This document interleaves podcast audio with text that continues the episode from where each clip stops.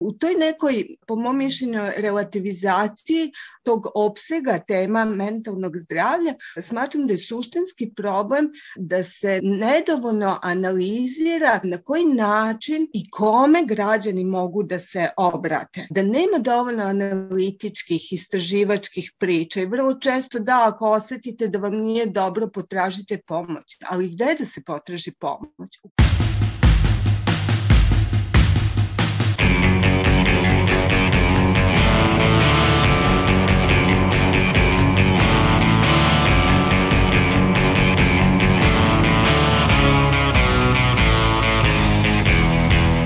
Slušate podcast Reaguj, nezavisnog društva novinara Vojvodine. Moje ime je Iva Gajić, a na podcastu rade i Sanja Kosović, Irena Čučković i Sanja Đorđević. Skoro 800.000 ljudi izvrši samoubistvo svake godine – Prema podacima Svetske zdravstvene organizacije, suicid je drugi najčešći uzrok smrti osoba uzrasta između 15 i 29 godina, dok su prvi saobraćene nezgode. Uopšte nije sporno ni upitno da je u pitanju važna tema. Međutim, kada se govori o ovim temama, gde se tačno krije granica u tome šta je informacija od javnog značaja, a šta je puka jurnjava za klikovima – kako ovakvo izveštavanje utiče na celu populaciju, zbog čega mediji posvećuju više pažnje privatnim životima porodica i osoba koje su izvršile samoubistvo umesto traganju za rešenjima i uzrocima ranije pomenute statistike. U 96. epizodi podcasta Reaguj, koja je nastala u saradnji sa Mental Hubom, razgovaramo o tome kako mediji utiču na mentalno zdravlje, na koji način oni izveštavaju o mentalnom zdravlju i samoubistvu, ali i o tome kakve posledice senzacionalističko izveštavanje o ovim temama može da ima po mentalno zdravlje onih koji prolaze kroz teške periode, po mentalno zdravlje porodica preminulih, ali i po mentalno zdravlje čitave populacije. Baš zato, za početak, upitali smo mlade koliko prate medije i kako utiču na njihovo mentalno zdravlje. Pa generalno jako malo lepih, dobrih vesti, možeš da čuješ nešto pozitivno, neku slamku, neke pozitive da uhvatiš danas u tradicionalnim medijima. Ono što me najviše, kako kažem, te nervira i, i, i utiče loše na mene je to što jako puno ima skretanja sa, sa pažnje, sa nečeg što je verovatno u tom momentu zaista važno. I neko preterivanje u svemu, ta, ta, ta hipereksploatacija ovaj, detalja.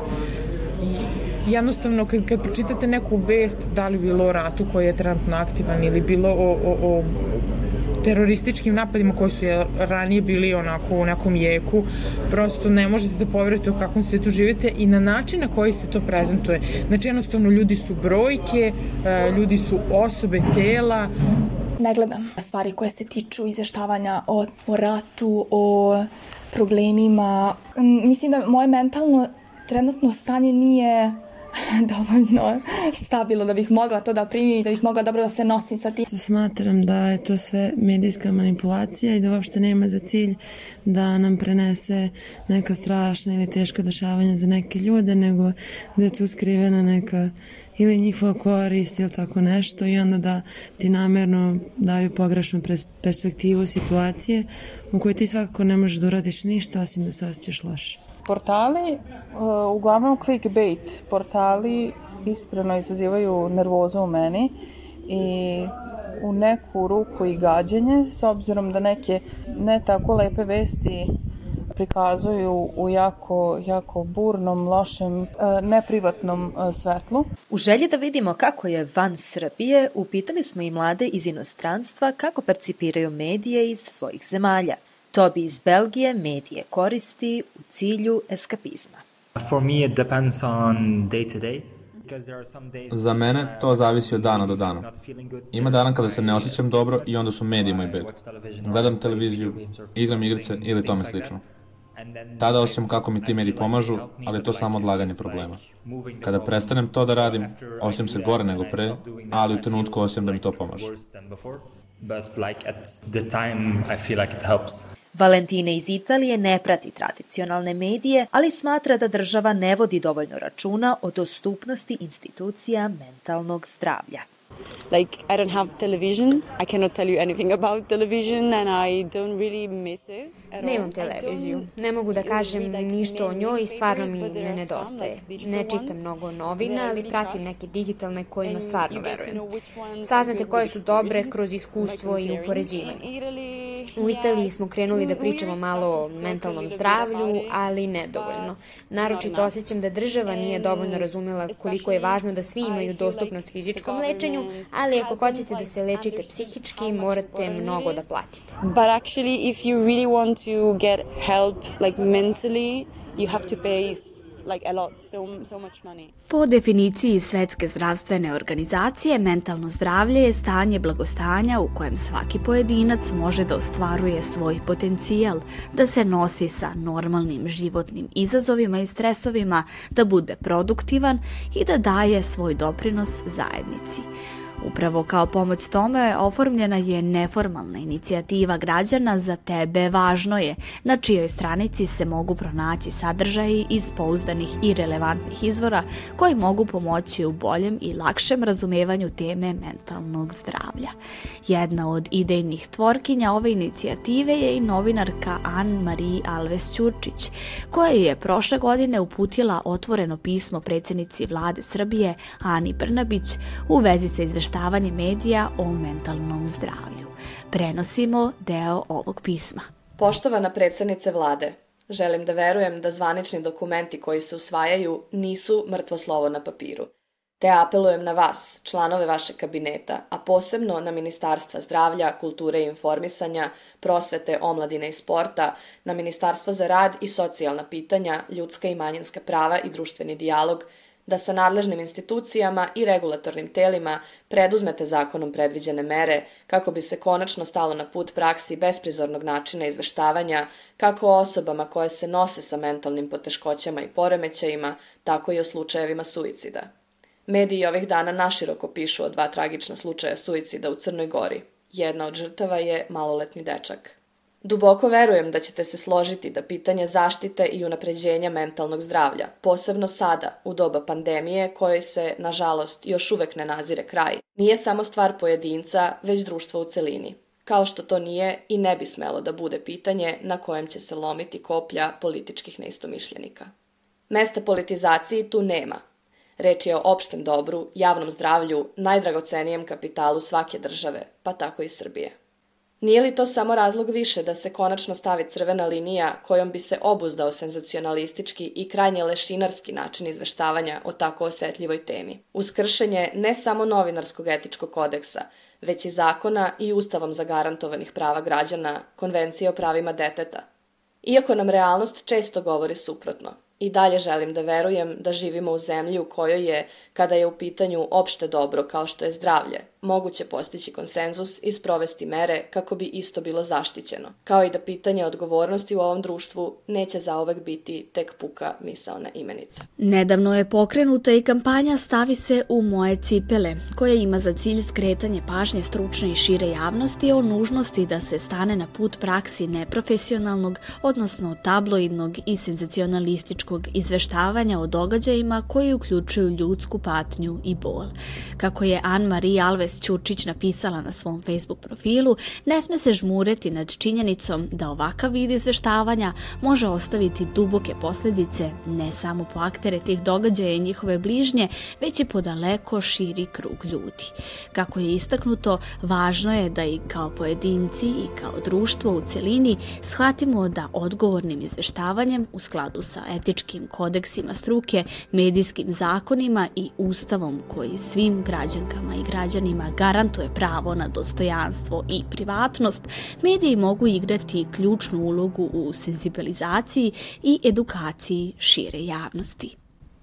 Šefica odseka za medijske studije i profesorka na Filozofskom fakultetu u Novom Sadu Smiljana Milinkov kaže da je tema mentalnog zdravlja nedovoljno zastupljena u medijima.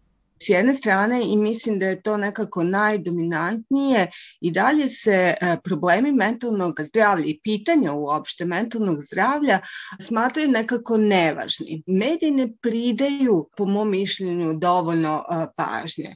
Te teme se nalaze ili u onim segmentima programa ili e, na onim stranicama gde su neke opuštenije teme i vrlo često je to taj pristup kako sebi pomoći u pet koraka, kako sebi ulepšati dan, a u stvari se radi o vrlo ozbiljnim problemima, mogu da budu vrlo ozbiljni.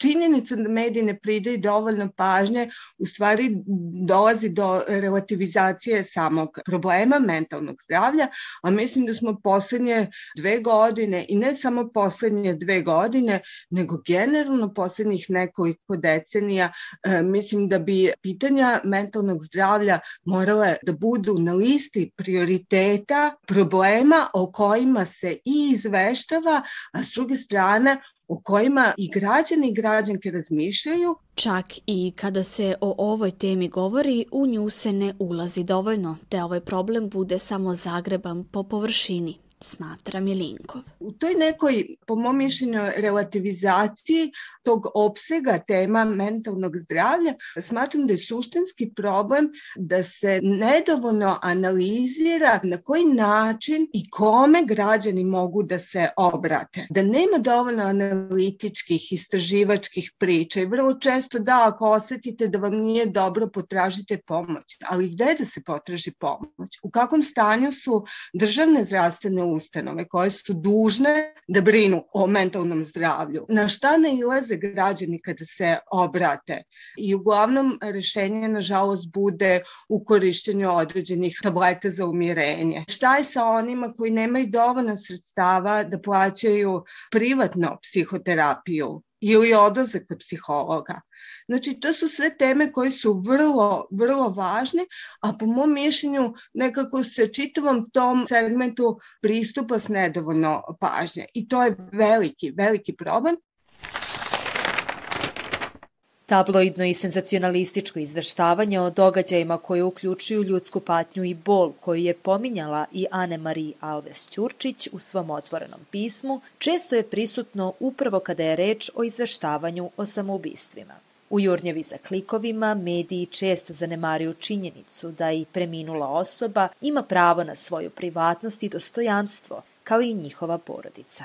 Psihološkinja Tanja Bokun kaže da senzacionalističan način izveštavanja o suicidu utiče uznemirujuće na čitavu populaciju, a posebno pogađa osobe koje su indirektno ili direktno povezane sa osobom o kojoj se izveštava. Dakle, vidite, takve informacije zaista za svakog od nas bude uznemirujuće, pogotovo što se one uvek nalaze na veoma istaknutim mestima, uvek sa velikim naslovima, uvek sa vrlo pompeznim izjavama, e, neretko i sa nekim uh, fotografijama. Čak mi se desilo da vidim i pokrivena tela, oproštene poruke i slično. Dakle, to zaista uznemiruje svakog od nas. A mhm. kada je u pitanju osoba koja i sama razmišlja o samoubistvu, to podrazumeva još jedan i dodatni pritisak i dodatnu nelagodnost. I ja moram da kažem da još stanovništvo o kom ne razmišljamo previše, a koje je jako bitno su ljudi koji su direktno ili indirektno povezani sa tom osobom. Dakle, govorimo o rođacima, govorimo o prijateljima, govorimo o komšijama, koji sigurno prolaze kroz inače veoma teške trenutke i ovakav način izveštavanja samo još, još više tu njihovu tešku situaciju pogoršava i komplikuje. A koliko je ovakav vid izveštavanja opasan i zbog čega? Naša sagovornica objašnjava šta je to Werterov efekat. Werterov efekat je zapravo nešto o čemu prvo razmišljamo kad, kad razmišljamo o tom prvom direktnom uticaju. Dakle, o tom efektu se već jako dugo priča, kod nas recimo par desetina godina je vrlo aktuelan. Naime, radi se o tome da poput jada mladog Wertera i načina na koji je populacija kada se ta knjiga pojavila reagovala, ona je čak bila i zabranjena zbog toga jedno vreme, jer su se nakon toga u velikoj velikom broju društava pojavili ljudi koji su imali slične tegobe, odnosno sličnu simptomatologiju kao i, i Werther. Tako se isto na isti način i izveštavanje o suicidu na negativan način odražava na osobe koje i same razmišljaju o suicidu. Naročito kada je taj suicid predstavljen sa puno detalja, sa jasno, jasno opisanim mestom, sa objašnjenim načinom, fotografijama i sličnim stvarima, dakle u osobama koje razmišljaju o ubistvu se može tada intenzivirati ta ideja da i oni treba da urade nešto slično. Clickbait je reč koja je svima poznata, kao i činjenica da se upravo ova tehnika koristi kako bi što više ljudi videlo neku vest, kliknulo i obezbedilo profit određenom mediju. Smiljana Milinko smatra da je to posebno izraženo kada je reč o temi suicida. Ono što je takođe izraženo jeste naprosto neprofesionalnost u uh, izveštavanju. Pogotovo kada je reč o pitanjima uh, suicida i, i tu nam je apsolutno ono što je dominantno jeste senzacionalizam apsolutno nepoštovanje dostojanstva, apsolutno nepoštovanje novinarskog kodeksa i naprosto onog što bi trebalo da bude etičke norme struke. Milinkov kaže da se dešava da mediji stigmatizuju ljude koji se ne osjećaju dobro kada je reč o mentalnom zdravlju zato što se nekako čitav taj opseg tema i dalje smatra kao tabu. Nešto što se ne može desiti svima nama, nego nekim pojedincima koji su opet sa one druge strane i ti neki kojima se dešava, oni su nešto što je loše, sami su krivi što su sebi dopustili ili nisu vodili dovoljno računa, naposto krivi su zato što su im popustile kočnice. I u tom smislu mislim da mediji u stvari upiru prst u pojedinca, a ne otvaraju taj problem kao društveni problem. Šta smo mi kao društvo učinili ili nismo učinili da se građani i građanke osjećaju dobro ili u, u drugom slučaju da se osjećaju loše kada je reč o mentalnom zdravlju. Već spomenuti senzacionalizam dovodi do otkrivanja informacija o žrtvama, što ne bi smelo da bude slučaj. S druge strane, ovakav medijski sadržaj ne nudi ono što je najneophodnije, a to je informativnost. Najproblematičnije je to što se u čitavom tom spletu različiti tekstova najmanje vodi računa o dostojanstvu i žrtava i oni koji su bliski sa žrtvom. Apsolutno se otkriva identitet i naprosto se od tog čina pravi senzacija što je u stvari jako problematično kada gledamo društvo u celini. Znači kao da se šalje poruka, ma na neki način se neću da kažem romantizuje, ali pravi se spektakl gde nema apsolutno mesta tome. A s druge strane, u svemu tome izostaje ono što je najvažnije, a to je informativnost. Na koji način najbliži mogu da reaguju ili sama osoba, kome može da se obrati, kako da dođe do prevencije, da ne dođe do onog najtragičnijeg dela. Mislim da je u tom momentu se u stvari sav fokus stavlja na taj konkretan slučaj što apsolutno nema mesta tome, a trebalo bi u stvari da se govori o porastu suicida kao ozbiljnom društvenom problemu i svemu onome što dovodi do toga. Upravo zbog toga Centar srce je prošle godine započeo kampanju pod nazivom Pripazi na ton, sa ciljem da skrenu pažnju na činjenicu da neetičko izveštavanje može da dovede do pogoršanja javnog zdravstvenog stanja. Naša sagovornica Tanja Bokun ujedno je i dugogodišnja volonterka u Centru srce. Ona objašnjava šta je bio cilj ove kampanje. Ne govorimo samo o jednom, dva, tri ili pet pojedinaca koji će se eventualno odlučiti da krene istim stopama kao ta osoba o kojoj se izveštava, nego da je to javno zdravstveno pitanje na celokupnu populaciju da, je, da, da utiče, tako da se kampanja zapravo zove pripazi na ton, pripazi na klik, pripazi na ton u smislu treba voditi računa o tonu na koji se izveštava o bilo kakvim problemima u vezi sa mentalnim zdravljem, a pripazi na klik je poruka konzumentima svi mi ili većina nas vrlo olako klikće na senzacionalističke naslove mm. iza kojih uglavnom ne stoji nikakva velika značajna i bitna poruka, usuđujem se da kažem, ali taj senzacionalistički naslov, odnosno klik, je ono što to mediju donosi povećanje tiraža, donosi povećanje profita i pokušavali smo da ukažemo, naročito mladoj populaciji, da zapravo time ne rade ništa dobro, oni nikakvu dodatnu informaciju time ne dobijaju, nikakvu značajnu informaciju, da su oni samo u funkciji nečeg uvećanja zarade. A kako mediji izveštavaju o određenim dijagnozama i koliko su opasne samo dijagnoze? Irena, šta si saznala? E pa Sanja, razgovarala sam sa psihološkinjom Instituta za javno zdravlje Vojvodine Marijom Rosandić. Kako ona objašnjava, sa jedne strane je razumljivo da ljudi imaju želju i motivaciju da čitaju takve tekstove u smislu da žele da bolje razumeju šta im se dešava. Mislim, svesni smo da je internet vrlo e, pristupačan, da se nekako brzo i lako dođe do tih informacija na internetu i ono što je možda za za neke ljude važno da su nekako e, te pre, pretrage u stvari anonimne, znači da oni mogu ona, na vrlo brz i lak način da dođu do nekih informacija. Tako da ta neka potreba za razumevanjem i možda istraživanjem jeste nešto što je, ajde rekla bih, e, dobra strana, ali ono što je pitanje koliko su zapravo ti tekstovi, ajde da kažem, nekako stručni, tačni, ali i ovaj, koliko je za, pitanje zapravo e, da li oni mogu da budu na neki način štetni i opasni. Rosandić objašnjava i da je psihodijagnostika veoma kompleksna i izazovna oblast psihologije, gde postoje standardizovani testovi i procene. Sam proces diagnostifikovanja vrlo često nije jednostavan, vrlo je kompleksan i on se zapravo dešava u, u, u nekim kontekstima, na, u ustanovama sa nekim određenim razlogom i tu su stručnjaci koji su edukovani i koji prepoznaju i neke izazove e, i manjkavosti takvih testova i pristupa zapravo pri, vrše ovu psihodijagnostiku. Je sad sama, e, sama dijagnostika čak nekad i nije toliko uh, u kontekstu rada psihologa važna za tretman i komunikaciju sa osobom koja ima psiho, neku psihološku poteškoću. Ono što posebno može da bude isto Opasno jeste što i ovakav način opet izveštavanja i možda na, na neki način forsiranja ove teme, iako deluje pitko, iako deluje uh,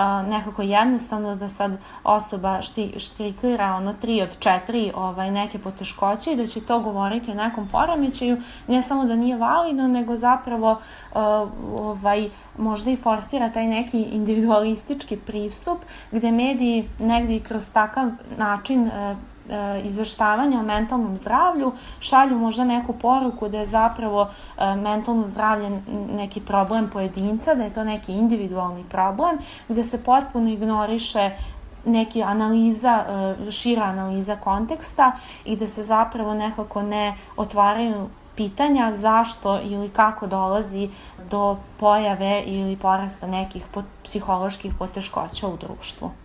Sagovornica podcasta reaguje objašnjava i da dugoročna izloženost tekstovima koji na ovakav način tretiraju temu mentalnog zdravlja, pogotovo uz odsustvo drugih izvora informacija, može dovesti do zbunjenosti pojedinca usled dezinformisanosti ukoliko se tekstovi ne prate neke etičke, etičke principe izveštavanja, ukoliko nemaju neku detaljnu analizu konteksta, ukoliko se ne uključuju sagovornici stručnjaci, ukoliko se nude ta brza i laka rešenja, nekako opet um, osoba može da, ajde kako da kažem, stekne pogrešan utisak, uh, može da se možda i osjeća negde uh, izgubljeno, možda da ne bude dovoljno, da, dovoljno jas, jasna uh, pozicija ukoliko ima so, svoje neke poteškoće, a istovremeno može i da učvrsti neke predrasude uh, ili otklon prema osobama koje imaju uh, problema sa mentalnim zdravljem i opet nekako kao da ovaj ostaje sama sa sobom, odnosno kao da se opet taj uh, problem nekako e, svodi na pojedinca, a ne na neki sistem koji zapravo treba da brine o mentalnom zdravlju, pa mislim društva je, pa i tog pojedinca. Kao što je istakla Tanja Bokun, mediji imaju trostruku ulogu, da informišu, edukuju i preventiraju. Ona objašnjava ove uloge medija kada je u pitanju mentalno zdravlje. Dakle, evo, kada je u pitanju mentalno zdravlje, šta znači edukovati? Znači pričati o tome kako se prepoznaju znaci nekih duševnih bolesti ili poremećaja, kome se treba obratiti, koji su to službe koje se time bave, koji je pravi trenutak, kako se nadležno do tih službi stiže, prevenirati, dakle šta možete da uradite, na koji način možete da razgovarate sa nekima kom se učini da, da se ponaša drugačije, da pati, da razmišlja na takav način, koji je pravi način da mu priđete, koji su to sve organizacije, poput organizacije srce, jel, koji se tim problemom bave.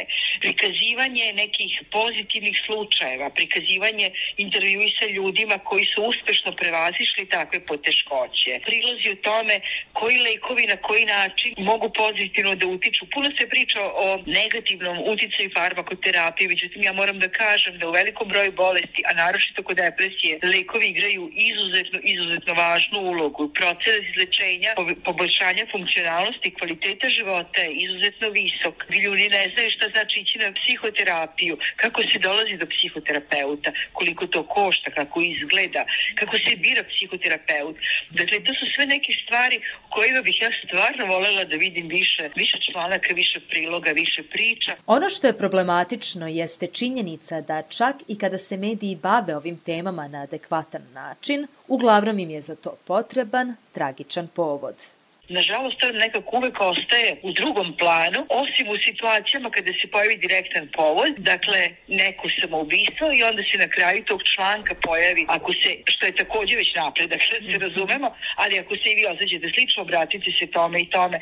Ja bih stvarno volela da nam ne treba tragičan povod, da se takvim temima bavimo. Dakle, ljudima predstavljamo ono što im može biti korisno, što im, što im može pomoći, što im može u krajnjoj liniji spasiti život ili im pomoći da oni nekom drugom spasu život. Psihološkinja Instituta za javno zdravlje Vojvodine Marija Rosandić navodi i na šta mediji moraju obratiti pažnju prilikom izveštavanja o temama koje su u vezi sa mentalnim zdravljem. Svakako to su poštovanje etičkih principa generalnog, da kažem, izveštavanja, mislim, o bilo koje temi, ali nekako za ovu temu se čini da je važno da prvo se postavi pitanje šta javnost dobija tom temom, znači da li je u kojoj meri se ovaj, neke informacije uopšte trebaju i moraju ovaj, plasirati u javnost, a sa druge strane čini se da je važno da negde, ja doživljam da mediji i stručnici za mentalno zdravlje treba da budu neka vrsta saveznika i da zapravo mediji mogu i trebaju da doprinose edukaciji javnosti, da nekako informišu javnost, da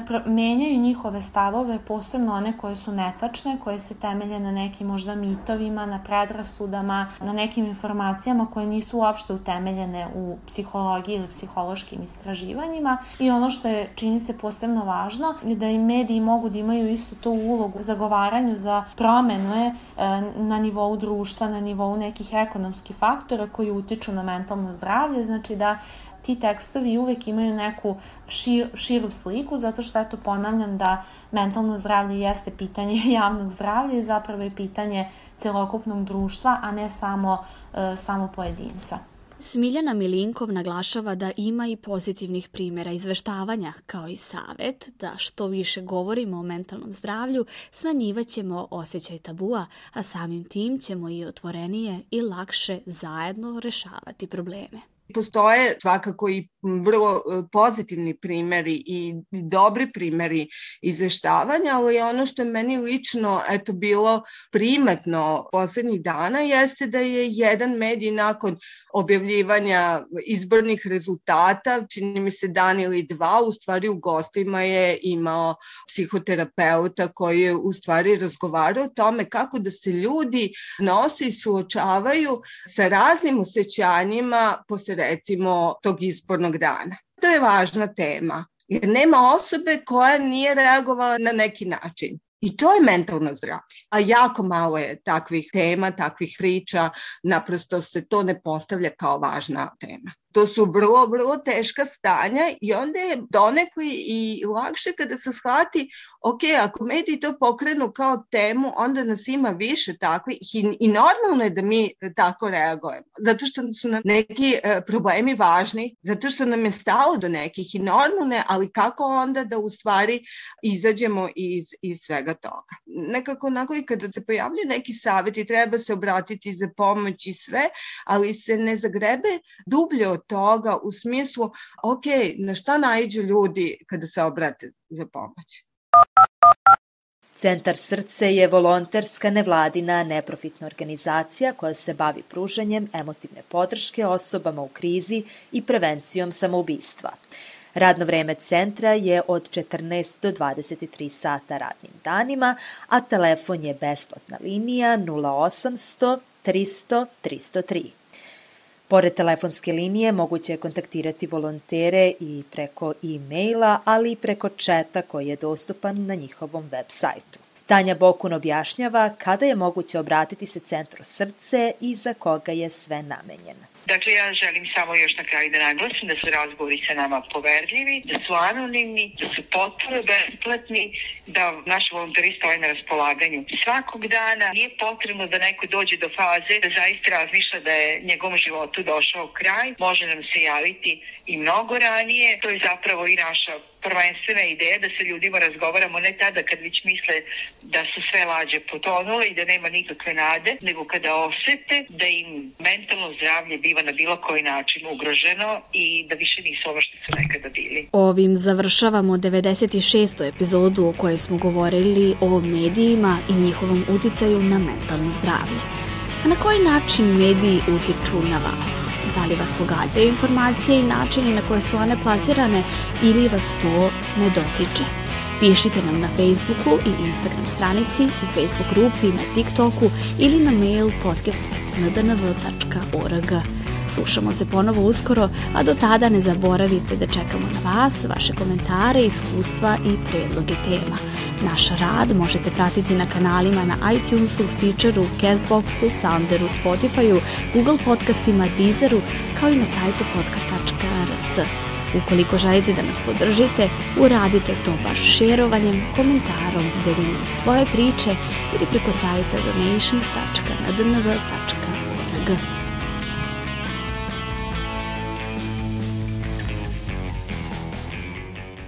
Podcast je nastao u okviru projekta Povezivanje ka većoj vidljivosti organizacija civilnog društva i većem učešću građana, koje realizuje Fondacija Ana i Vlade Divac uz podršku Balkanskog fonda za demokratiju, Nemačkog maršalovog fonda Sjedinjenih američkih država.